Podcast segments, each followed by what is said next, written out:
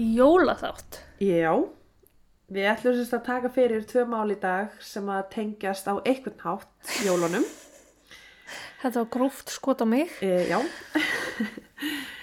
e, en við vildum líka bara þakka fyrir alla hlustun, Já, bara viðtökunar. já, og viðtökurnar í þessa rúma tvo mánu sem við erum búin að vera Já. að þessu. Tíminn liður hratt, þrýr dagar til jóla. Mhm. Krest. Já, hann að, Já, við ætlum að koma út með þátt að lögadaginn svo já, og svo ætlum við bara að taka okkur frí. já, fram á nýtt ár. ár. Bara svona ár, já. Örstutt. Við ætlum sérst að taka okkur frí fram yfir áramót og við komum sterkar inn í januar og að sjálfsög ætlum við í jólafríinu að fara betur yfir tæknimálun okkar og Já, djók, glimt því. það er ekkert meira að fara. Við kunnum að tengja mikrofónin. Mikrofónin er komin í lag og ég held að séu flest allir sáttir. En já, herðu, þáttur í dag, þáttur á lögadaginn og svo bara gleðil nýtt ár Já, og gleðil jól. gleðil jól. Meira var það ekki held ég. Nei, ef við ekki bara tengdu. byrja þessi skemmtilegu mál. Jú, ég ætla að fjalla um Los Feliz Mansion morðið. Mm. Hefur heyrt um það? e, þegar ég var að googla jólamormor, já. Þetta var með svona á nummið þrjú Já, á þetta er topp eitt, tíu þetta er lista. eitt af sex. Akkurat. En í útkværum Los Angeles má finna hverfi sem kallað er Los Feliz og þar má finna hús sem fram að árinu 2016 stóð yfirgefið eftir hræðilega atbyrði árið 1959. Uh, húsið er meðal þeirra húsa sem að true crime fans eins og þú og ég sækist í að skoða. Ó, Fólk með áhuga fyrir draugagangi, svona paranormal já. hlutum, haunted houses og þannig sækist mikið í og bara fórviti fólk upp til hópa flikkjast að. Við öll. Já, ég meitt, sérstaklega þú og ég. Til að sjá og skoða Uh, Húsið umrætta er risastórt í spænskum stíl staðsett í Los Feliz eins og ég sagði áðan. Hverfið þótti vera fyrir hérna ríku og flottu og keifti doktor Harold nokkur Perelsson. Þetta hljóma svo vittlust Allana Ég ætla ekki að tjá mig. Nei, hann var fættur árið 1909. Fóreldrar hans voru upprunalega frá Pólandi og Rúslandi en höfðu flúið heimulandi sín vegna bálæra aðstæðna á sínum tíma og flutti Queens í New York. Þar eignuðist þið fjögur börn og var Harold elstur þeirra. Ég held alltaf að ég er að fara að segja nöfnu ekki eftir vel og svo er bara eitthvað Harold. Já, ég segja líka. Þegar ég hlusta á þetta þá er ég bara eitthvað Harold. Uh -huh. Í Queens tókst fóreldurum Harolds að búið sér til gott og stabil líf og gáttu sér börnunum sínu fyrir flestu. Harold fekk því góða mentun, stóð sér mjög vel í skóla og var fyrirmynda krakki. Og eftir school sendi fóreldur hans hann í læknisnám, læknanám. Í læknisnáminu stóð hann sér líka mjög vel en hann fílaði ekki New York til leng- lengdar og ákvað því að flytja til Suður Kaliforníu þar sem hann fekk starf og eins og fyrir daginn rúlaði hann því upp og var um hann skrifaðar marga greinar tengt starfið hann svo frama enda virtur í sínu starfi og frumkvöld varandi tæknu og annað tengt því. En lengst af starfaði hann sem hjartaskurlæknir og var með þeim betri sem völ var á. Uh, hann var sérfræðamentaður í hjartaskurlæknum, ónæmi skurlækningum, skurlækningum og einhvers konar sprautulækningum. Ok. Og og hannaði meðal hann sprautur sem ég segi betur frá eftir. Hann var meðal annars aðstofskólastjóri hjartadeildirinnar í USC og var í aðal skurðarteimur fleiri fleiri spítala á stór Los Angeles svæðinu. Eiginkoninu sinni Lillian kynntist hann fljótlega eftir að hann kláraði læknanámi sitt.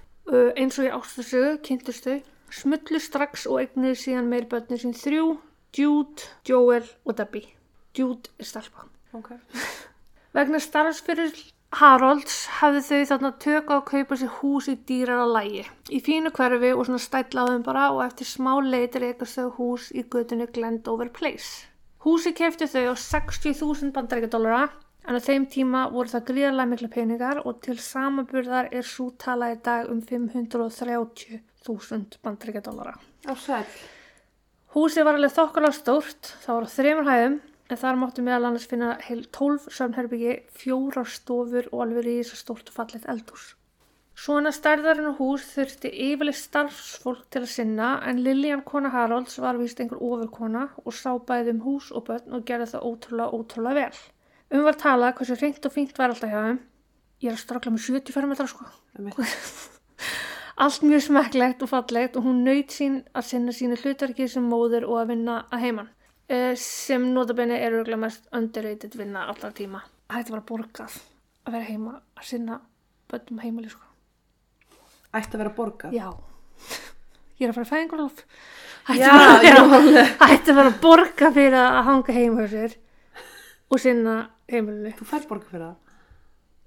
skít og kanil en tekið það fram að Liljan var hálgerir hamfarkokkur einn af hennar signature réttum var vist pulsusúpa. Eða bara súpa með pulsum í. Ég bjóst við að væri bara humar og steik hver kvöld, sko. henni gekk ekkert sérstaklega vel á því sviði en það gerir ekki til, hún bætti upp fyrir það öllum öðrum. Þannig að hann var giftu fallegri konu átti með henni þrjú falleg börn vegna óbúslega vel í starfu sínu og bjó í þessu fallega fallega húsi með að því veriðist frábæru heimilsaldi. Virtist bara hafa það mjög gott Haraldur er sagður Harald já, ég líka bara, hæ? Harold er sagður ótrúlega góðu fæði barnanum sinna, hann var ljúfur við þau, strangur ef þurfti en aldrei umof. Þau voru öll mjög samheldin og bara fyrirmynda fjölskylda. Snúta við, þetta er ennþá alltaf Harald eða? Heldur betur. Alveg tjók, tjók, tjókin búin að snúast við. Fekk það í baki að gera svona mikið grínaðir. Sprautan sem Harold hannaði átti að vera svona þeirra breakthrough. Hann slóst í liði mann sem heitir Edvard en sákauði lofaði hann um allskins fram og fræð út á sprautuna. Hann bauði með einhvern svona 50-50 díl. Þeir myndi báðar hagnast verulega á sprautinni og Harald og Liljan fjárfesta í sjálfur sér þarna og leggja 24.000 dollara í að koma þessu sprautu marka. Liljan sjálf lagði út auka 7.000 dólar í fjárfestinguna og hafði mikla trú á manninu sínum og hans uppfinningu. Þetta var sérst eitthvað svona sprauta sem að glerhilkið var fast á þannig að þú settir ekki náluna ofan í svona ambúlu Já, ok. og sögst upp úr heldur ambúlun fór byggt í sprautuna þannig að það er engin crossmit en eitt hannig. Harold vann hægt að því að sprautan kemast um markað bara til að komast að því að nokkur mánu síðar að þessi Edvard var bara eitthvað krimmi og hefði blekt hjónin. Hann ætlaði sér aldrei að skipta hagnaðanum á sprautunum neitt 50-50, hann hefði einnig selt áfram hugmyndina til fleiri aðila án þess að Harold vissi og rúsinan í pilsöndunum var svo að hann héti ekki einu svona Edvard. Ég fann samt engar upplýsingar um hvað hann hétt í alvegni. Þannig þarna var mikið tapað fyrir og tíma sem tók verulega á Harold bara eðlega. Harold kærir Edvard og eftir langt og strangt málaferli fekk hann ekki einu svona upprunalega fjárfæstingunum sinni tilbaka. Hann fekk tæplega 24.000 dólar í skapætur. Það gefur augarleið að ekki bætti það nokkuð skapað hlut hreinlega út á kostnaðinu við að kæra Edvard Einmitt. og hann skuldaði þarna lögfræðingum bara fárlega mikið að pening. Annað fjárhagslegt högg átti að skekja fjölskylduna þegar dóttir þeirra djút var að keira með hinum tveim börnunum þeirra, Debbie og Joel, og lendi í sæsnum árakstri. Því fylgdi jú fáralegar upphæðir í spítalareikninga. Harold kerði bílstjóran sem hefði kert á börnunars og fjekk þær skadabætur sem rétt dugði fyrir reikningunum en skildi auðvitað eftir nýja reikninga frá lögmönnum hans og réttakjörinu.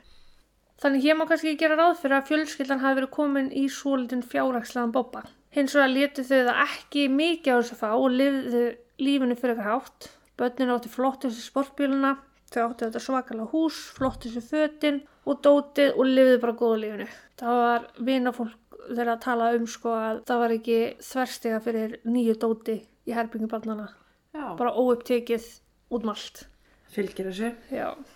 En Jude, elsta dótturinn, var nú aðeins fann að finna að það var kannski ekki allt í lagi og var fann að tala um það út frá sér og hún ætti jafnvel að fara að fá sér vinnu sjálf til að létta aðeins undir.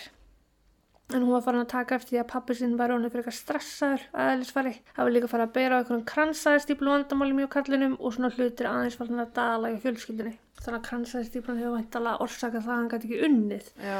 heldur. Það er bara lífið leiku við þau. Já. Fljótlega voru ekki bara kransaða vandamál á Angar Harold, hann var farin að sína mikil enginni alvarlegs þunglindis. Maðurinn sem hafði unnið svo hart allan sinn starfsfyril var farin að minga við sig, hjælt sem eru tilbaka, las eitthvað svona þungar bækur og bara almennt umturnaðist eftir að hafa orðið fyrir þessum fjárhúslega höggum árin og undan. Hann reyndi þó þetta bestu getu að halda andliti fyrir fjölskyldunum sína og vinnuna og starfsfyrirlin og þann 7. desember árið 1959 mætti hann til vinnu og átti þar eðlan dag en þetta átti þó eftir að enda á allt annan en eðlan máta.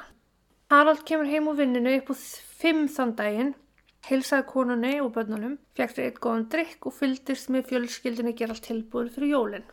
Liljan var að reymbast að pakkin jólagjöfum áður en hún bar fram kvöldmatinn fyrir fjölskyldina. Þau borðuðu svo kvöldmatt eins og öllan á kvöld. Hamfara kokkurinn bauð upp á græna bönir, sangan þeim heimildum sem ég las, sem ég mjög fyndið.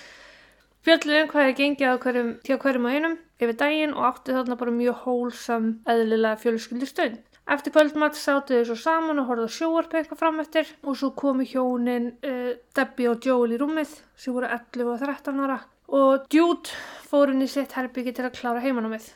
Liljan kirsti Harald góða nótt og fóru undan honum uppi og meðan kom Harald sér fyrir upp í sófa og las bók þar til hann sopnaði. Hér ágæti ég takið fram að umræta bók, hún var um helviti, paradís og himnaríki og hvað kæm eftir dauðan og alls konar því um teng sem er svolítið fyrirlegt lesafni fyrir mann sem er hugar að þunglendi. Er bara fyrirlegt lesafni yfir höfuð. Ég meina hvað, ef fólk mútti sko að googla þetta, mm. um fimmleiðið aðfarnótt 7. desember er umskar Harald. Ég hefði nú búist því að hann hefði þá bara komið sér upp í til konunar og farið aftur að sofa, en hann fór nú ekki alveg þá leið. Hann gengur nýri eldúsið þar sem hann geymdi verkvarakistunum sína, sótti þar hamar, gekk upp í herbyggið þeirra hjóna, starði í svolítið stund á koninu sem sofa og hóf svo handa við að lemja hana ítrekkaði í höfuð þar til hann, hún og herbyggið var blóðugt. Oh.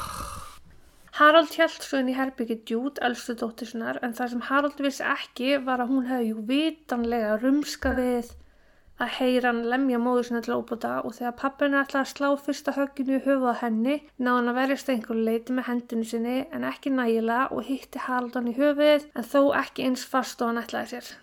Við það öskra djút af öllum lífs- og sálarkröftum og vekur þar með bæði nákvæmlega sín og sískinni. Harald gerir mjög auðma tilraun að þakka í henni og setur bara svona putna fyrir varennan á sér og segir. Við djút. Já, við Sem að er 16 ára. Harald heyrir í Debbie koma hlaupandi gangin í áttina að herbyggi djút, hún er sérst 11 ára og tekur á móti henni og segir við hana farðu bara aftur að sofa ástu mín, þetta er bara maltruð og fylgir henni aftur inn í herbyggi sitt. Þetta hefur tekið einhvern smá tíma því að í millitíðinni hafði djút tekið, tekist að flýja föður sinn, hlaupið yfir til nákvæmur sinna og bankað. Hún reyndi fyrst að hlaupa til vinkonu sinnar sem bjó í næsta húsi og það vildi svo til og hún var vakandi þegar djút að stanslust á höruna en vinkonan verður svo lofandi hrætt við að einhversi að banka náttúrulega miðjanótt að hún þorir ekki að fara til dyra. Djút hleypi því yfir næsta hús þar sem var vel tekið á mótinni, sá nákvæmlega hafði líka orðið var við öskurinn hérna áður og gati tekið við henni inn til sín mjög snöggla og ringt í 911 911 og óskuði tafalaust eftir sjúkrupil lauruglu.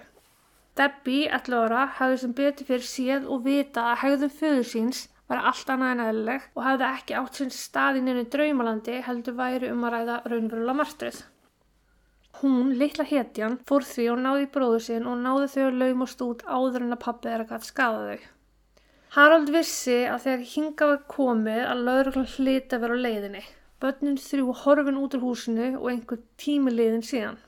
Hann tók sig því til og gleifti alla töflur og pillur sem hann fann heima á sér. Sumir segja hann hafi líka drukkið síru en það er enginlega að staðfesta það og það eru allar svona áraðanlegu heimildirnar sem segja hann hafi einugust tekið þessar pillur. Og meðal annars tværið þeirra hafi átt að vera það sem er notað í svona líknadrápi Já, sem hann alltaf komst í að því hann var læknir. En af hverju hann átti það? emitt. Ég skrítið.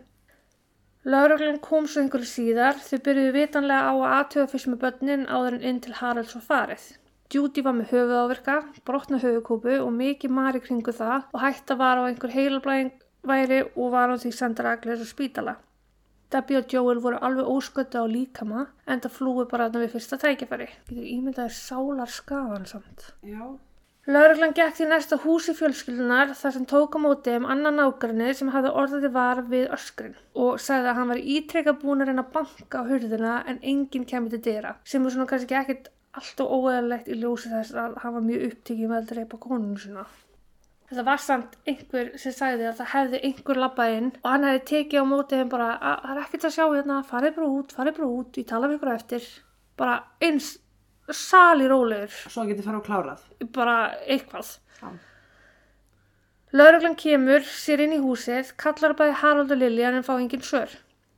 Þeir ganga um húsið og lappa inn í hjónaherbyggið þar sem þeir finna Harald nær döðan lífa á gólfinu með hamarinn öðrum við sig og pillubók sinn minn.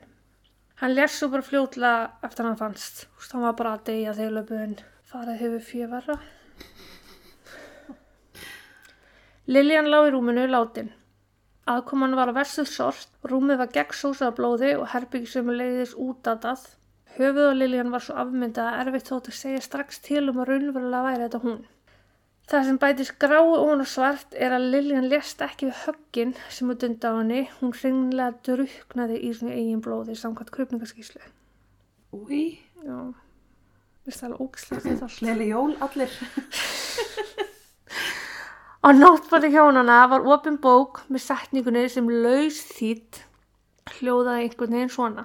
Um miðja lífsleið mína fann ég sjálf mig í myrkrum skógi, beinabrautin var horfin, sem bara mjög dark Já, og sorglegt. mjög. Rannsókn málsins var frekar auðveld, um var að ræða frekar auglúslega tímalínu og hvað hefði gerst. Harald hefði myrk konunu sinna, reynda mér á dóttir sinna og mistekist og síðan fyrirvarið sér.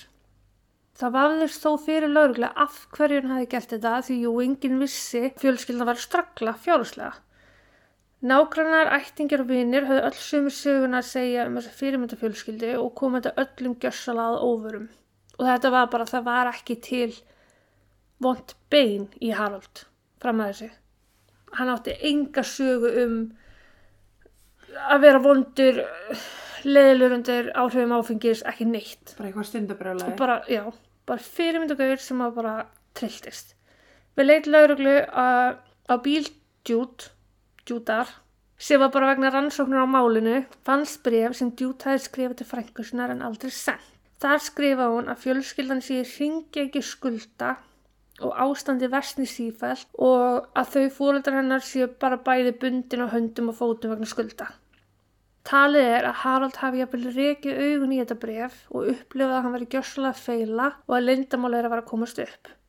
Hann hafi því bugast undan álægi og ekki síðan eitt annað í stöðunni en að myrða fjölskyldun sína og síðan fyrirfara sjálfur sér til að losa þau undan því að eru nokkuð tíman að upplifa fátækt eða áhyggjur. Sem er svo súrt. E, já, Þótti einnig nokkuð borulegjandi að ef Harald hefði tekist að skada djút meira en hann gerði, hefði hann því næst ráðist að tvö með bönnunum. Því má segja að betur fór en áhorðist þrátt fyrir hræðileg örlu Liljan. Máli fekk miklu umfjöllun í fjölmjölum, enda um að ræða virtan og þekktan lækni og þegar fjölmjöla fári loks róaðist var gert til raun til að setja húsið á sölu upp í bæði skuldir þeirra hjóna og eins arf þeirra batna. Húsið var ekki auðselt en það hræðilegur atbyrju gengi á sem fólk vissi af og var því húsið sett uppbóð. Þar seldist á logstu hjóna sem einungus notuðu húsið sem geimslu og gistu ekki einustu nóttar. Þetta er sko risastórt hús ekkert mál. Kaupum 12 herbyggja geimslu. uh -huh. og sko, sko geggjað hús. Þau gáðu sér ekkert af nákvæmlega sínum og bara áttu húsið reynilega til að eiga það. Hjónin letu svo árið 1994 og erfiði sonur þeirra húsið og vaknaði það von hjá nágrunum að nú hliti eitthvað að vera gert. Húsið hliti að vera gert upp eða einhver myndi flyti inn í það, ekki var neitt á því og margrinda kvarta í bæjarhjöldum yfir vannrækslu húsins en allar eigur Harald Liljan og barnan þeirra voru ennþá í húsinu, öllum þessum árið setna. Meira segja jólatrið frá 1959 og allar innpökkuðu gjafinnar sem Liljan hefði verið að pakka kvöldi sem hún var myrt. Bara allt stóð ósnert. Úi, Garðir húsins var notaðar af heimilslösu fólki sem tjaldaði þar og kom sér bara mjög vel fyrir og áreitt. Í kjölfarið var húsið sem ég nefndi í byrjun staðið fyrir alla þá sem að forvetni voru til að hnýsast um, Fólk frétti að munir fjölskyldunar voru enn inni en einni var sagt að morðvettangurinn hafi þarna verið enn ósnertur. Ekki búið að þrýfa eða, eða gera neitt. Sögur eru um að fólk heyri út frá húsinu öskur og óp í hvermansrödd kalla no, no, no og einni í hálgerðum svona umgunar stunum frá kallmannsrödd. Fólk sem hefur ekki trú á draugum eða reymuleika vilja þá meina þetta sé einfallega vindur sem kvíni gegnum húsið. Ég set mína peninga þanga líka. En fleiri ghost hunters hafa síendur tekið reynd að komast inn og ég nálað við húsið til að ná einhver á myndbandi að hljóðuptökur. Það er fullt af YouTube myndbandu þar sem fólki fyrir utan en ég gæti ekki fundið neitt sem ég virkilega trúði þar sem einhver var inn í húsinu Já, eða nálagt. Húsið í það minnsta stóð ósnert alveg til ásinn 2016 þegar nýjir eigendur keiftu það fyrir rúmar 2 miljónir bandarækjadala. Það eru rosalega margir peningar.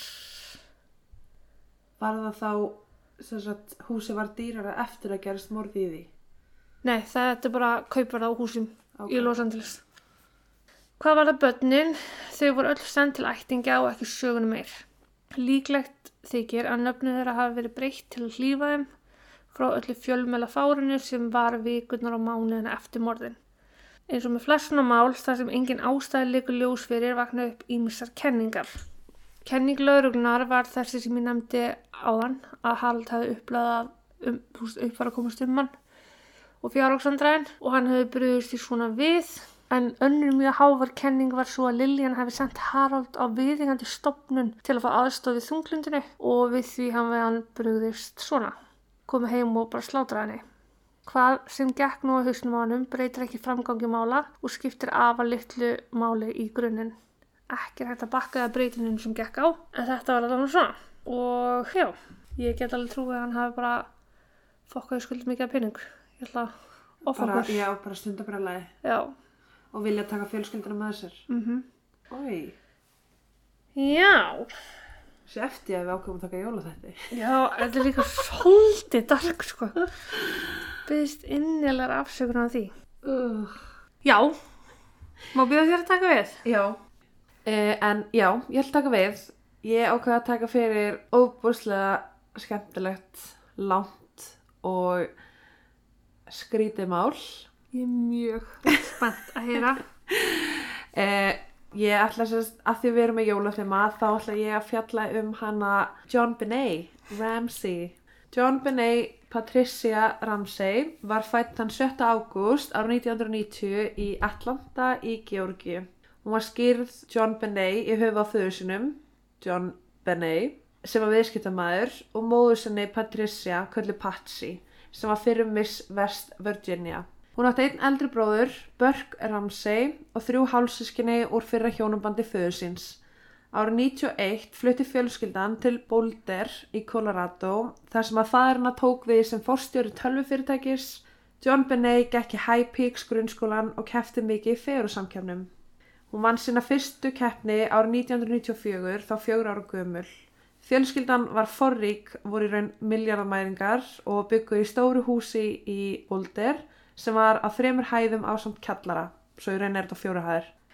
Á jóladag árið 96 var fjölskyldan heima hjá vinufólki sinu og nágrunum Fleet og Priscilla White að snæða kvöldverð. Þau komu heim um nýjuleitið. John Benet hafði sopnað á leiðinni svo John fór með hann upp í herbyggi, klætti hann í náttföt og lagði hana í rúmið.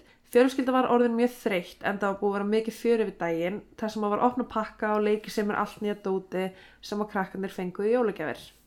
Þau fóru öll að sofa eftir heimkomi. Snemma morguns, klukkan 05.30, vaknaði Patsy til að fá sér kaffi og ætlaði að byrja að plana ferðalagi sem þau voru að fara í. En hún var, var vön að fá sér kaffi alla mótna óhaf því hvaða dagur væri. Þú veist, ég myndi aldrei hann að vakna daginn eftir jóladag klukkan hálf sex um morgunin. Þjóttbönn. Ég myndi aldrei hann að nei. Það, ef þú veist, Ekki það ég vakna ekki hálf sex. en Já. Þetta var sérst bara vani hjá henni, hún gerði þetta alltaf. Hún lappar hálf sofandi niður stegan í átta eldúsinu þegar hún sér þrjú handskrifi bref inn þriðju neðstu tröppinni á stegunum. Búið að raða svona hlið hlið í tröppina. Í brefinu var krafist lausnagjalds að upphæð 118.000 dollara og fullirt var að dóttir þeirra hefði verið rænt af hópi einstaklinga sem eru fulltrúar erlenda minnhlutaflokksins SBTC. Já. Það voru mjög nákvæma leiðbynningar hvernig þú átt að afhenda peningana og oftar en einu sinni kom fram að ef þau færi ekki eftir settum reglum, settum leiðbynningum, þá mynd dóttir þeirra deyja. Það voru til dæmis skýr skilaboð um það í hver seðlum þau ættu að taka peningin og státt að vera x margir, Já. 100 seðlar, x margir þetta sem er bara mjög spes. Það er þannig að þessi öðlar fyrir alltaf að koma þeim út. Já, það sem að þótti mest einkennlegt við þetta bréf var að þessi upphæð var svo sama og John hefði fengið jólabónus frá vinnunum sinni og því var umhugsunar efni hvort einhver nákvæmum þeirra hefði gert það. Mm -hmm. Patsy fer upp í herbyggjanar John Benet og sér að hún er ekki í rúminu sinu, öskrar og vekur það með John og þau hringir saman á neyðarlínuna klukkan 5.52. Í símtalinu segir hún frá því að dóttirinnar hafi verið rænt og byrði lauruglum að drífa sig á staðinn. Það sem að þótti mjög einkennilegt, en oftur allt einkennilegt, Mm. við símtalið er að í fyrsta lagi, hún segir aldrei nafn á dótsinni, Nei. heldur einungis að hún sé sexara og ljósarð. Já. Kim sem að svara að neyðalínu samtalinu reynir að tala við hana og í lók símtalsins er eins og Patsy hafi skellt á þar sem að Kim reynir að kalla Patsy fimmsunum en fær ekki svör. Hún veit sérst haldin í símanum en hún er bara er ekki annan lengur. Hins vegar heyrir hún þó að það er ekki búið að skella á almennilega. Rattirnar sem að heyrast er mjög óskýrar en í greiningu frá lauruglunni er ljóst að Karlmannsrödd segir We are not speaking to you. Þá segir Hvermannsrödd Oh my Jesus, what did you do? Oh my Jesus. og að lokum heyrist barnarödd sem að segir What did you find? Það eru bara þrýr aðilar sem kom til greina. Það er Patsy, John og Burke, nýjar og bróðurnar John Benet. Kim segir einnig í viðtali nokkrum árum síðar að hún er viss móna við heyrt strax eftir hún byrjar að kalla Patsy Ok, I have called the police, what now? Já. John segir augljóslega hann að við erum ekki að tala við þig og það er svona eins og þriði aðurinn sé á staðnum. Bæði John og Patsy gáfu út að Burke var sofandi allan tíman áður en að lögreglan kom. Og lögreglan segir einnig að þegar þau kom á staðin þá hafi Burke verið í herbygginu sinu Kim segir einnig frá því að henni hafi fundið símtali verið frekar æft. Hún var mjög æst í byrjun og svo dró, dró hún úr því í símtalinu. Lögreglan mætir á svæði 5.59 og fyrir að leita á svæðinu en aðalega úti til þess að gá hvort einhver sé í nágrunni við húsið eða hvort þau finna einhver ummerkjum innbrott. Í raun var það eina sem að fannst á svæðinu var brotin gluggi í kjallarnum sem að John útskýrði að hann hefði gert sjálfur einhverjum mánum áður þar sem hann glemdi liklinu sinum og komst ekki inn öðruvísi. Mér er alltaf fundist það skrítið, þetta er maður með fullt af peningum. Mm -hmm. Myndi maður ekki láta gera við glugga í Colorado og það er kallt, sko. Og þetta er vetrar, skilur. Já. Rétt eftir að lauruglan mætir á svæðið er Patsy búin að ringja tvö símtöl í vinni sína um 5.54. Svo að lauruglan mæti 59, Uh -huh. símtalið 52 og hún ringir í vinni sína 54. Mhm. Sem að mæta á svæðið. Í brefinu var sagt að haft er í samband við þau millir 8 og 10 og voru lauruglumenn eiginlega bara að býða eftir því símtali. Linda, sem var lauruglumæður á svæðinu, sagði viðtali að enginn hefði tekið eftir þegar klukkun sló 10 og það var enginn að spá í því að ekkert símtal hafa átt sér stað. Nei. Leitinni lauk í hádeginu og var Linda einu á vett, eftir á vettfangi á samt presti til að huga hjónunum og fólkinu sem var hjá þeim og í raun bara býði eftir því að símtali bærist þeim til að fá okkur upplýsingar. Hún byrði tvisvar um aðstóð á svæði þar sem henni finnst mjög óþægilegt að vera hana ein að passa upp á sex fullána einstaklinga en í raun fær þau svör að allir þessu uppteknar og fundum og eitthvað á þeir komum leið og er losni. Hún skrifar allt neyður hjá sér sem að gengur á í húsinu og man, man sérstaklega eftir því að einhverju tímapunkti hverfi John í cirka einn og halvan tíma. Já. En hún veit þó ekkert hvert hann fór og það var erfitt að fylgjast með öllum sex í einu. Mhm. Það var líka eitt skipti sem henni fannst mjög skrítið en á meðan þau byggði eftir símtalinu var Patsy og vinafólki þeirra í sófanum inn í stofu og John var inn í eldúsi að fara í gegnum póstinn sinn eins og ekkert var í gangi. Bara aðtöfa hvað reikninga hann þarf að borga, hvað er í gangi. Tínt, sko. Eða mjög spes sko. Já. En svo, svo er einhver kenningur um að hann á kannski bara verið að leita af rannsóm brefi, einhverju öðru. En Ó. Ég meitt. Um eitt leitið stingur hún upp á því að þau fari aftur að leita í húsinu og um leið hún segja það þá tekur John í hendina á flýt vinnu sinum, dregur hann neyri kjallara til þess að leita. Þau fara öllu sig hverja áttina þar til þau heyra flýt öskra á sjúkrabíl og John kemur upp úr kjallarnum haldandi á líki. Hún hafi verið í auka herbyggi í kjallarnum þar sem að vínið er geimt. Hún lá á gólfinu með hvitt teppi ofan á sér, hendur bundna með reypi sem var áfast við spýtu og í raun náði það utan um hálsunannar. Einni var hún með svart teipi yfir munnunum. Klukkan hvað er þetta aftur? Þetta var 500 yfir 1. Já. Leitinni almennilega var hægt 12. 7 tímum Já.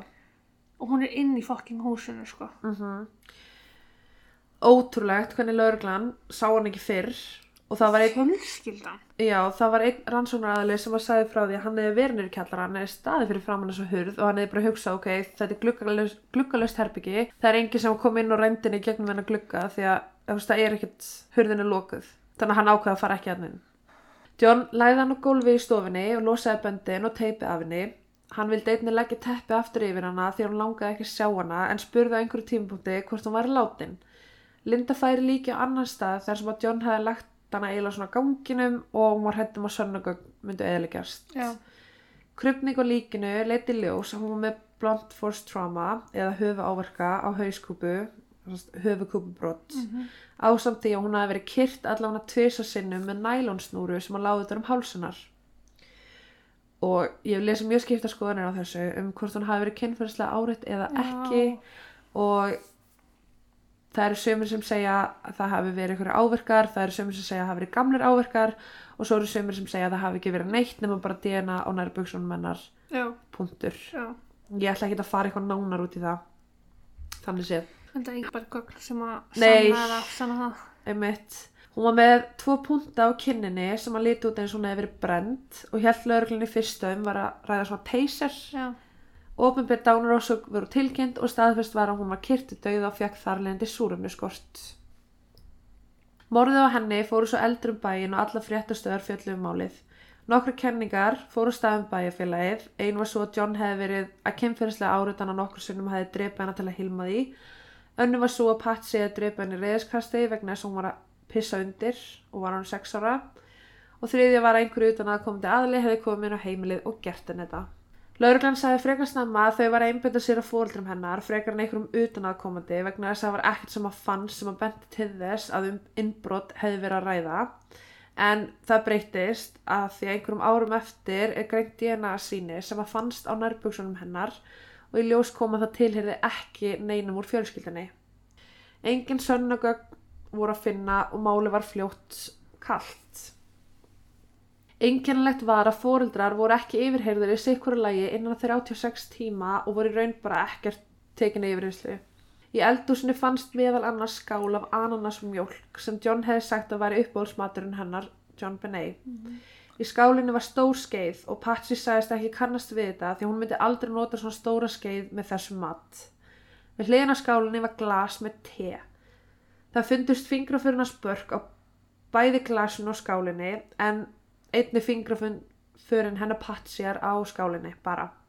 Á eldursporinu fannst einnig vasaljós sem var mjög úr mynd og kannast fjölskyldan ekki við af hverju að stæða þarna á borðinu því enginn af þeim hefði verið að nota það. Lauruglan kannast heldur ekki við það og það var ekki þeirra eigu.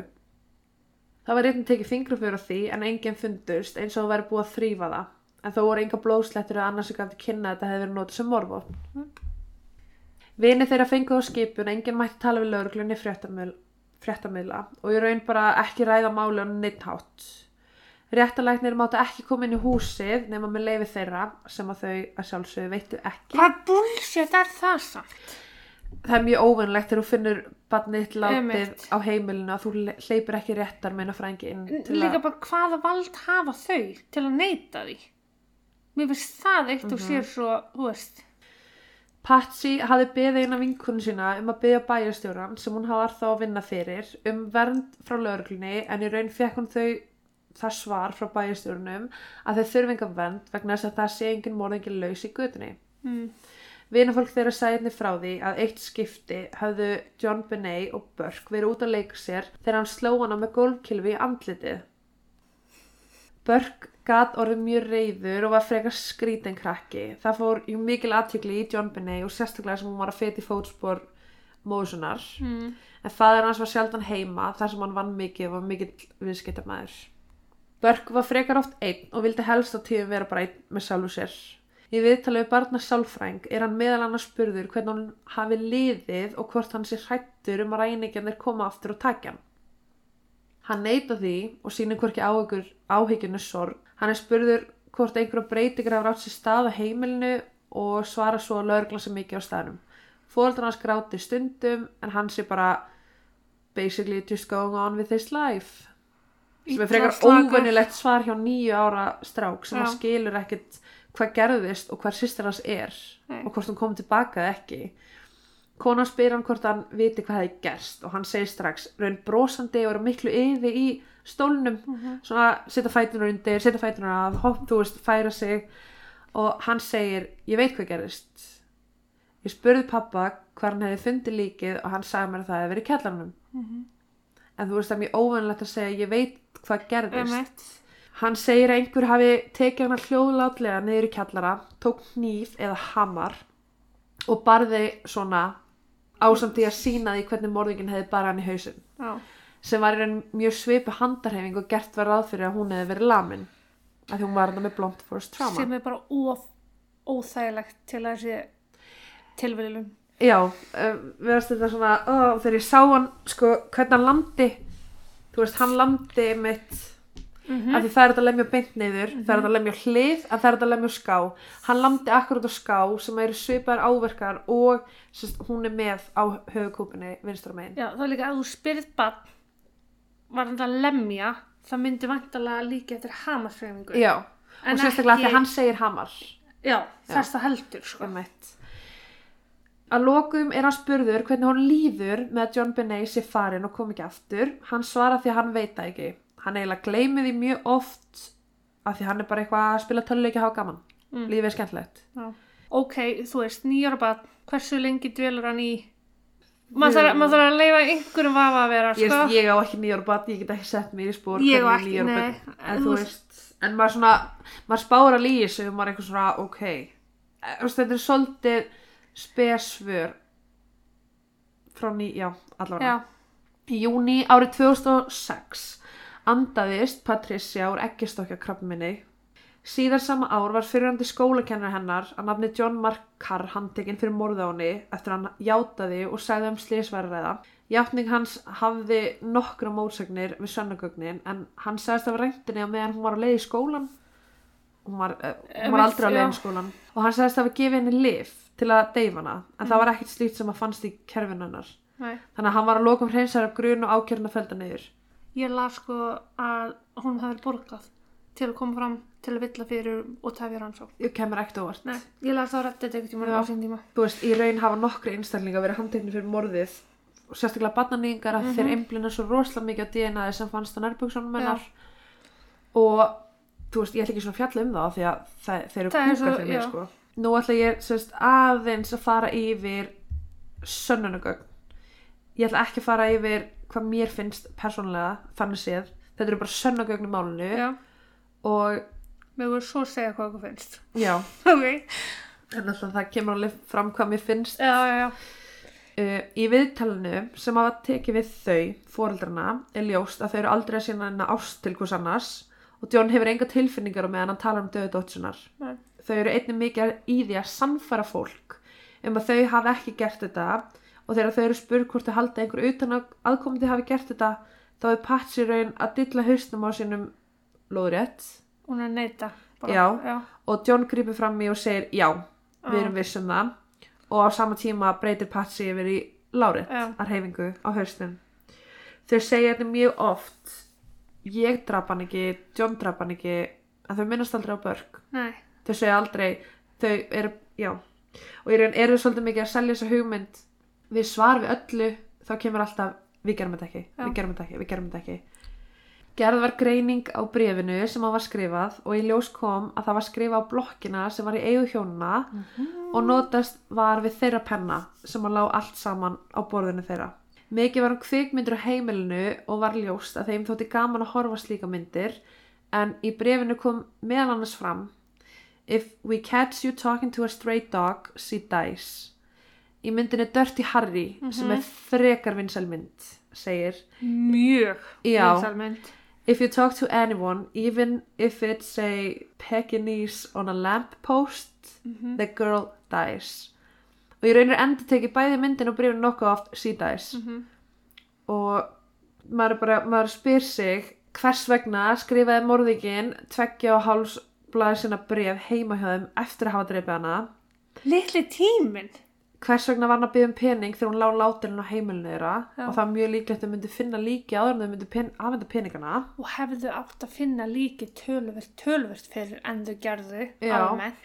hægt hefði, sko vel hefði verið hægt að taka saman fjóra setningar úr þessu brefi og það hefði verið nóg. Það hefði verið nægur upplýsingar og það hefði komist til skila. Já, bara komið peningin hingað, við viljum svona mikið, annars þeir en í brefinu er eins og morðingin sé að reyna að sannfæra fólk um að batsrán sé að ræða. Mhm. Það er rosalega mikið verið að reyna að sannfæra að þetta sé sko pottitt batsrán.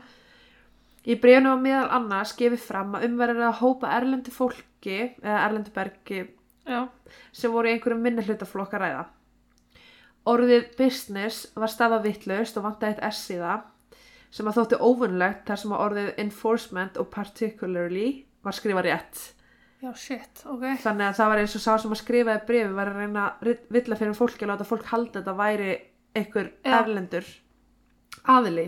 Af því hvernig skrifar upp particularly rétt en þú skrifar ekki business. Mm Allavega. Ég er enda svist alltaf. Stuðum hana. Ég, ég myndi bara skrifa þetta allt vittlust. Já. Já. Þegar þú ert að ræna ein- einhver, einhverjum og byggja um lausnagjald, þá viltu sína fólki að þú sért með vald. Mm Uh, en ekki þú sért partur af minni hlutahóp. -hmm.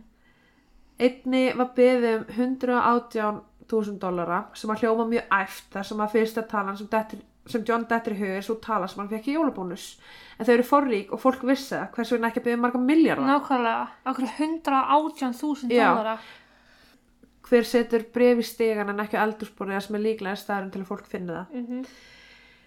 eh, svona FBI profiler komst að því að sá sem að skrifa breyfi var, var 30 plus fættur og uppalinn í bandarengjunum og hvern maður vegna þessi breyfinu kemur nokkur svona fram hlutir sem að karlmaður myndi mjög ólíklega að skrifa. Mm -hmm.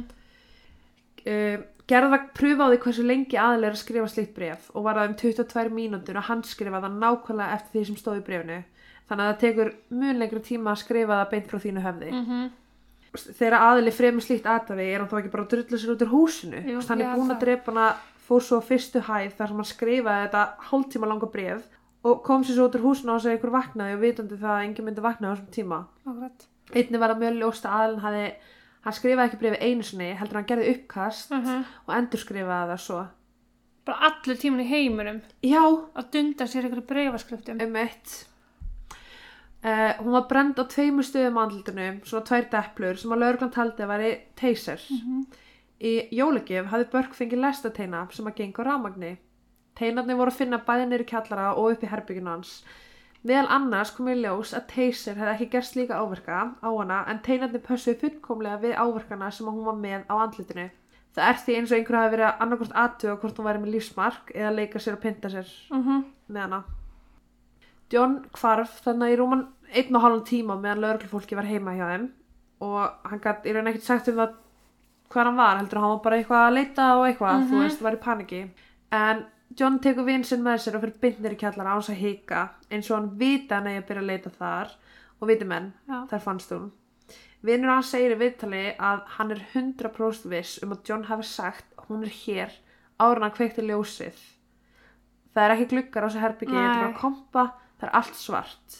Og í raun fer hann og hann segir hún er hér og kveikir svo ljósið. Já. sem er óvanlegt af því þú ser bara hvitt teppi á Já. gólfinu. Þú serð ekki neitt. Hvernig getur bara vita það fyrirfram? Og hann, er, hann hefur vitnað fyrir þetta og hann er nokkuð viss um að hann hafi sagt þetta Á- áður já. og hann líka, hann hefur líka sjálfur sagt frá því að John Egnin svona greip í hendun á honum Mm. leitt hann beintir í kjallara beintin í þetta herbyggi Já, til að hafa vitnið eitthvað, eða svona, til Já. að hafa einhver með sér. það svo, það er önnur herbyggi í kjallaranum Mhm. og hann fór beint þangað Já. Þá er einmitt talað um að Patsy og John hafi hringt í vini sinna til þess að hafa einhver á svæðinu því þau vissu að líkina myndi finnast. Mhm. Oftast er það svo að morðingjar vilja einhver nákomin þeim finni líkið eða einhver nákomin sem með þeim þegar þeir finna líkið sjálfur til þess að vitna fyrir allar tilfinningar og reyði sem að kemur við uppgötununa. Uh sem er svona svo steikt af því að það er svo auðveldlega hægt að sjá í gegnum sitt eigi fólk. Skilur hvað við Já, en þetta er bara svo mikið adrenalín, þú veist, ég, þú já, bara... ég veit það, en þú veist ef, ég, ef þú myndi gera segum morð og myndi taka mig með til að finna líkið og þú var bara, ég, guð, almáttugur. Skilur Já, það verður mér falskt og ég myndi lesa í gegna já, náttúrulega ef að finnur, finnur þetta, já, að þá er lögreglan beint að fara að horfa þau og segja hvað, er í gangi. Þannig að ég raun, já. allt þetta mál ma, ég hef Já. svo mikið að segja sko Um, áður en að Linda segir við fjölskyldan og vina fólk að leita vísbendingum sem hún er mjög gaggrund fyrir Mhm. þá tekur hún skýrt fram að þau finna eitthvað eða kalla strax á hana og ekki snerta neitt. já, Það fyrsta sem að John gerir þegar hann sér hann er að taka teipið á henni Mhm. eða líka sönnugögn. Hann tekur reipið á henni eða líka sönnugögn. Hann heldur á henni fyrstu hæðina eða líka sönnugögn og meðan hann spyr hvort það megi leggja teppi yfir hana sem var í stofunni hendur hann því yfir hana áður Linda gæti sagt nei Já. þannig að eðlugur sönnugögn. Það fylgir ákveður svo fiber sem Mhm. að getur farið yfir hana. en á sama tíma sko, þú ert að koma að barninu teipað, reipað ég, geti hort á Ég er sko og ekki nei, sko, nei, það er eina sem kem, veist, sem ég kem honum til varnar þarna skeitir lögreglan að vera ekki með viðeigandi aðeila í málinu og á vettvangi Já, lögregla þú veist, sko. já, En já, þetta eru eðlileg viðbröð sko, fóreldris finnst mér hann leggur hana einnig svona á gangin og þar með færi lindana svo hún verði ekki meira eðileggingu á sönnugögnum en í raun er John búin að eðilegja allt nú þegar. Það sem að mér þótti mjög einkennilegt er að allan þennan tíma var Börk upp í herbygginu sinu að reyna að sopna. Hann sagði, hann hefði sagt, hann hefði sagt í viðtalið að hann var mjög forvitinn en allt í einu þarna liggur hann bara eins og steinn og býður bara kyrri í herbygginu sinu. eftir hátegi nýjara gamall Já. já, það er líka bara, ó, ok Spes. já, Í greiningu sem að var gerð kom í ljós að formið á vasaljósinu sem að fannst var nauðalíkt áverkunum sem að voru á höfukúpunni hennar. Það var ákveðið áleitumál um það hvers vegna ekkert blóð var að finna en í raun gerast það oft svo að þegar svona hlut er slegið í höfukúpu að hún brotnar án þess að húin ripni og það byrja að blæða. Mhm. Það má því vel vera að þetta ákveðna vasaljós hafi verið notað við morðið og náttúrulega það var wiped clean mhm, það var ekki einu Heppilega. svona þú veist, patsi að setja batteri nei, nei, það var farið já í raun var dánarorsökin hluturinn sem var slegin að henni en það var látið lítið út eins og hún hefði verið kyrt og meðal annars var sett upp reypi í kringum hana á hálsun á henni sem var bara gert til að villa fyrir Mhm, Þannig Þannig að að- nota eitthvað annað Já. næmaþráð eða eitthvað. í rannsókn sem var gerð var fengið 10 ára krakki til að slá höfukúpu með svinskinni og sjá hvernig áverkunar eru í ljós kom að 10 ára strákur getur vel lamið höfukúpuna í spað án þess að hún ripni sérstaklega og skiluði eftir sér svipu ummerki og voru á John Binney. Það var því ljóst að 10 ára strákur sem hafði ekki mikið styrk að þá kemur styrkurinn úr þungu vasiljósi sem er nægur fyrir þennan aldur til þess að fremja ákveðið. Já. Veistu hvar áðurkinn var á henni? Já, hérna. Á, já, ok. Gluggi í kjallarnum var opinn og undir honum var ferðartaska. Fjölskyldan vildi þá meina að morðikinn hefði auðvitað komist í burtu úr þessum glugga og aðtúað aðtúaði lögreglan hvort hægt væri að komast þar gegn sem fullar neistælingur sem að var vel hægt. Hins vegar, á upptökum sem að voru tekin á vettfangi var eins og enginn hefði farið gegn gluggan þar sem að kongulófifur var í vinstra hotninu. Sett var upp svipaðar vettfangur og aðtöða hvort einhver kæmist í gegnum gluggan á þess að taka hann vefin með sér sem að reyndist ekki vera hægt og þau raun útilokað að einhver hafi notað hann að glugga til að koma sér undan. Lauruglan einbyttir sér svo mikið af því að DNA hefði fundist á nærbuksunum hennar að þeir gerur fyrir því að um var að ræða kynfyrslega áreitni og þar alveg endur barnanýðing. Vegna þess að DNA-ið passaði ekki við neitt fjölskyldumæðlim var enginn af þeim talin vera gerandi í málinu Nokkri sérfræðingar tóku sig þó saman og gerðu könnun á þessu. Þeir tóku DNA síni úr nýjum nærbuksum úr búð sem enginn á staðnum hefði snert. Niðurstöðu síndu að DNA fannst sem að passa ekki við neitt af þeim sem var inn í herbygginu og þá mjög líklega kvennmanns. Svo sem hún hafi saumað brækuna þá Já. eitthvað, já. Það er með ljóst að þegar um er að ræða fjölda framleiðslu getur vel verið að DNA síni frá einhver starfsmanni smitist yfir á vöruna sem er verið að framleiða. Og því er ekki hægt að nota þetta ákvæmna DNA síni til þess að útiloka neitt nýja sagfella einhvern. Þú veist þetta er bara þá bara henda þessu DNA síni alrighty. Sagsóknarinn í Boulder Alex Hunter. Ég veit ekki hvað ég á að byrja. Hann var spiltur og það er 100% Já. 100% ljóstmál í fyrsta lagi baði lögreglan um að fá húsleitarheimild og heimild til að rekja símanæra og allt sem var vanalegast gert í svona málum hann neitaði því hann gaf þeim aldrei heimild fyrir neinu sem þau voru að byggja um hvers vegna, veit það ekki Fóreldarnir voru aldrei yfirheyrðir fyrir einhverjum mánuðum eftir morðu á John Benet. Í flestu tilfellum hefðu þau verið tekinu sundur strax og yfirheyrðir sikkur lagi en það var ekki gert. Einnig kom í ljós og saksóknarinn gaf þeim öll sönnunagögn og gamla skýslur frá því að þau voru yfirheyrð heima hjá þeim. Það hefur sakfælt marga hinga til að þau breytum sögu og aldrei hef ég heyrt um einhver fá að vita nákvæmlega hvað þeir sögðu fyrir nokkrum mánuðum til að vera æfðir til að geta sagt það sama Mitt. bara fárlegt. Rannsóknar aðilar komu saman með saksóknarunum og báðu hann meðal annars, um, meðal annars um grand jury. Það er raun ákveðin dómnefnd sem að kemur saman til að ákvara hvort næg sönnagögn sé málinu til þess að sagfælla einhvern. Hann vildi ekki gera það og sagði að hann þurfti fyrst að heyra í fólkinu sínu vegna þess að umværa ræða pólitíska ákvörun. Ramsi hjónin voru forrík og möguleiki var á að Alex væri að fá greiðslufræðum en það hefur aldrei verið sannað nýja afsannað. Loks kom að því að Grand Jury kom saman en Alex kom fram í viðtali til að segja frá niðurstöðu. Þar segir hann að Grand Jury sé sammála því að ekki sé næg sönnugögn til staðar og samkvæmt lögum megi hann ekki ræði þetta nánar. Í öðru viðtali kemur hann fram og segir að hópurinn sem að vinnur eða var að vinna málinu telur sig ekki hafa næg sönnugögn. En það er samt þau sem er að krefjast Grand Jury og staðfyrstöku á því. Mm -hmm. Setna kom í ljós að Grand Jury hefðu sagt já og það höfðu verið næg sönnugögn til að leggja fram ákjör í málinu gegn Ramsi í hjónunum. Hann er bara það. Og sko þessi kenning með að hún hafi pissa á sig og Patsy hefði orðið reið meika ekki sens að því það var ekkert hland í rúmun hennar. Þannig að það er eiginlega bara off. Hins vegar, Börk. Elsku Börk, vinu minn. Ding, ding, dingaling. Eins og fram hefur komið þá var hann mjög immana og vildi bara vera einn með sjálfu sér. Uh, og hún vantaði mikla ást frá fóldur sinum. Fadir hans vann mikið, móður hans beindi aldrei aðtegla John Benet. Fegurðardrottningunni og samkeppnunum og allt þetta ekki. Já, það þurfti að prófa nýja kjóla, æfa hinn á þessu lög og bara allt sem að fylgdi þessu, þú veist, bara öll aðteglin var á henni.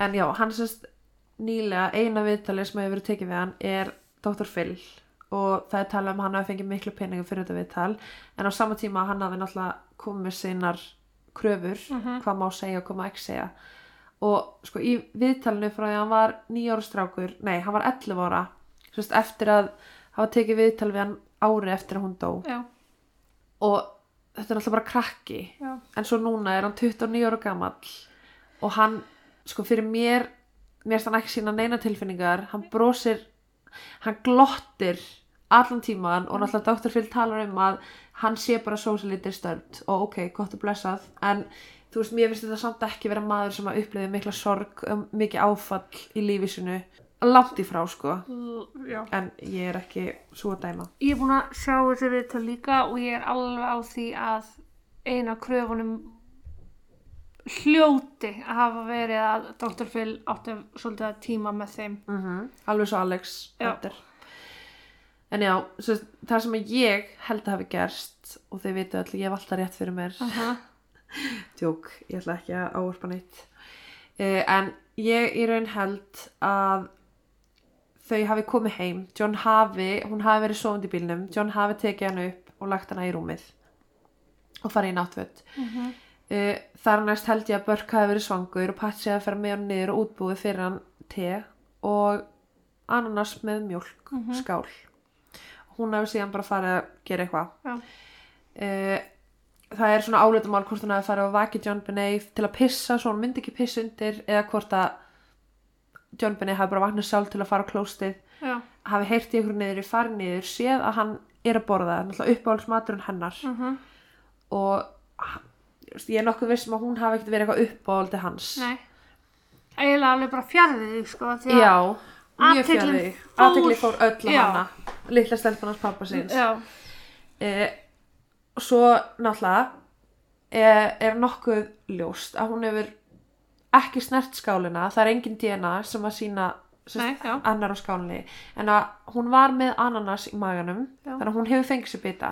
Hún hefur tekið bita og börk hefur verið reyður já, og hún er ætlað að hlaupa í burtu hann hefur tekið varsljósi sem stóð á borðinu og slegið hana. Mhm. ekki vitað hvort hún væri á lífi eða hvort hún væri dáin. Nei. af því hún alltaf bara missi meðutund Já. Það er svona nokkuð óljóst hvað gerist eftir það en annarkvort koma fóröldarinn niður, niður og sérst, fara út og bara búa til states af því mér er mjög ólíklegt að nýjar og strákur dræja hana niður í kjallara. Ekki, já, nei, Það er ekki séns. nei. ekki nema hún hafi hlaupið niður í kjallara og það hafi gerst þar. Hver veit? Maður veit, þú veist, Já, það er svona nokkuð speculation en maður er samt með söguna. En sérst að John og Patsy hafi gengið frá, John hafi gengið frá henni og meðan Patsy skrifaði brefið Já. og þau eru sérst bara planaði þetta allt saman. Mm. að því Patsy segir til dæmis í einu viðtali ég er búin að missa eina dóttur ég vil ekki missa hinn. Af hverju ættir að missa hinn? Já, af hverju ættir að missa börk? Nákvæmlega. þú veist þetta er svona, þetta er mjög einkennilegt komment að segja bara eitthvað ég er búin að missa einu dóttur, ég vil ekki missa hinn. Hitt, það er enginn já. að fara að segja þú sért fara að missa hann nefnum þú sért sög eða, Eða hann hafi gert eitthvað, já. Þau eru klálega að hilma yfir já, eitthvað. Þau vita hvað kom fyrir og hvað gerist. Það, það, bara, það er ekki... þetta eru bara allt og marga tilvílanir og sannagögnin sanna svo miklu meira heldur en orð Já, og bara, þú veist, allt sem ég er búin að fara í gegnum þetta er bara brot brot mhm, og þú veist, það er, það er engin sem braust inn til þeirra Nei. þú veist, það var eitthvað að tala um hvort það væri bróðir eldri strákur hérna þauðusins mhm. þú veist, nei. Það var líka hann- aðtöðum með alla batnanýðingarsvæðinu. það var, Engin, engin, engin það var einblitt svolítið rosalega mikið á þetta og þarlendi held ég sagt, að því ég hef heyrt tvær sögur hún hafi verið kemfyrirslega árið, það hafi verið áverkar Já. og ég hef líka heyrt að það hafi ekki verið neitt, það hafi bara verið DNA á nærbúksunum En DNA, það var aldrei spesifik hvaða, þess, hvort það verið slef, húðfrumur, nei, sæði. Bara traces. Það er bara DNA. uh Þannig að, Nei og líka bara oh, Þú veist, ég er 170% viss um að það sem ég var að segja rétt á hann að eitthvað í þáttina hafi gerst Já, kannski ekki líka. nákvæmlega eins en þetta með kemfrænslega áraðnaði mun ég aldrei geta útskýrt og ég ætla ekki eins og að reyna það, ég endur bara að tóka bara til hliðar og mér finnst það ekki vera relevant mér finnst það ekki skipt saman einu skiptir í minna að ég draka hljóðlátt, þá kapna ég, jésús, ok? en já, Þetta er, ég, ég hef alltaf sagt þetta frá að ég kynnti mér þetta mál fyrst. Þetta er, þetta er bróðurinn, sko. Ég er bara nokkuð viss um það. Svo er eitthvað bánsi sem að fannst í herbyggin hennar sem að einhverju vilja meina að enginn kannast við enginn veit hvað er og, og sérst, morðingin hafi lagt bánsan þarna. Mm Þessi þriðji aðal í símtalinu, ég hef líka alltaf þetta, við erum ekki að tala við þig.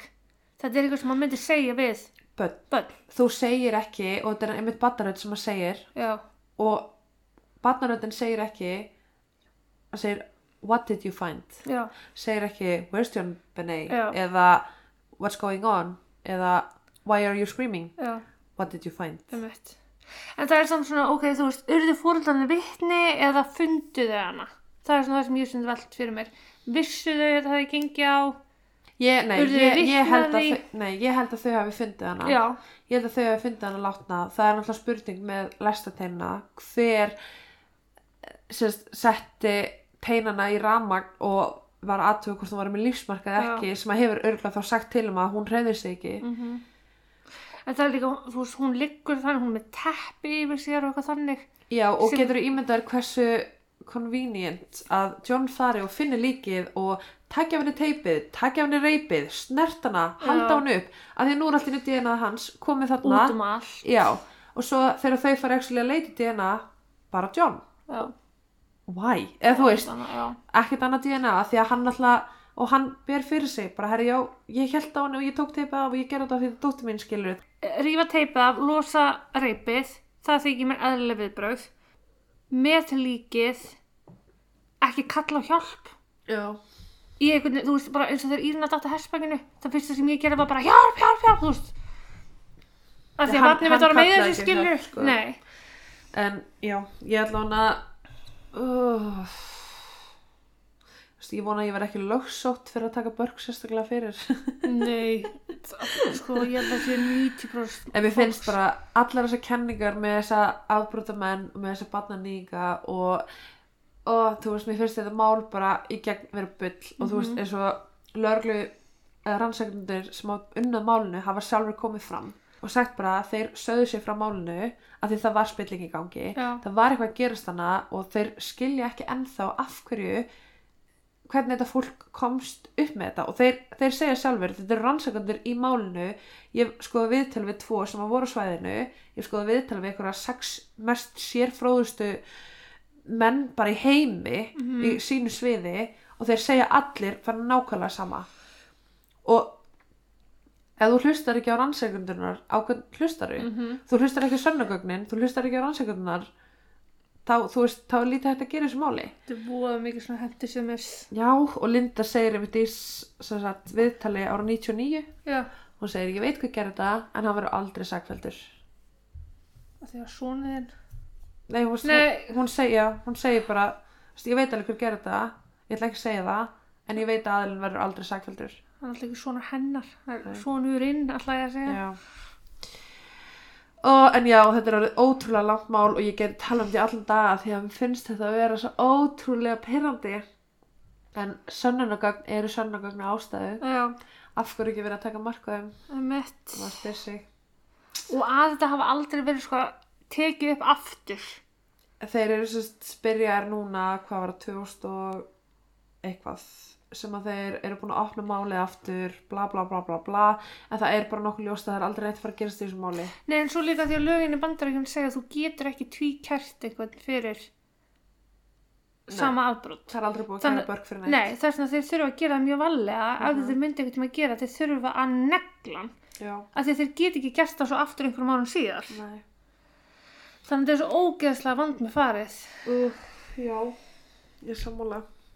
en já, herðu, bara gleðileg jól og vonandi verði ekki miður ykkar yfir jólinn yfir þessum mánu sem vorum að taka. Eh, annars bara vandræðalegt eh, við sögum áðan þrý dagar til jóla en í raun er einn dagar til jóla. Það er jól á morgun. Mhm. vúp vúp annars bara, já gleðileg jól. Gleðileg jól. Takk fyrir okkur og takk fyrir ykkur. Og farsalt komandi nýtt ár Já, þarna koma. Ég, þetta allt úr mér. Takk og bless. takk og bless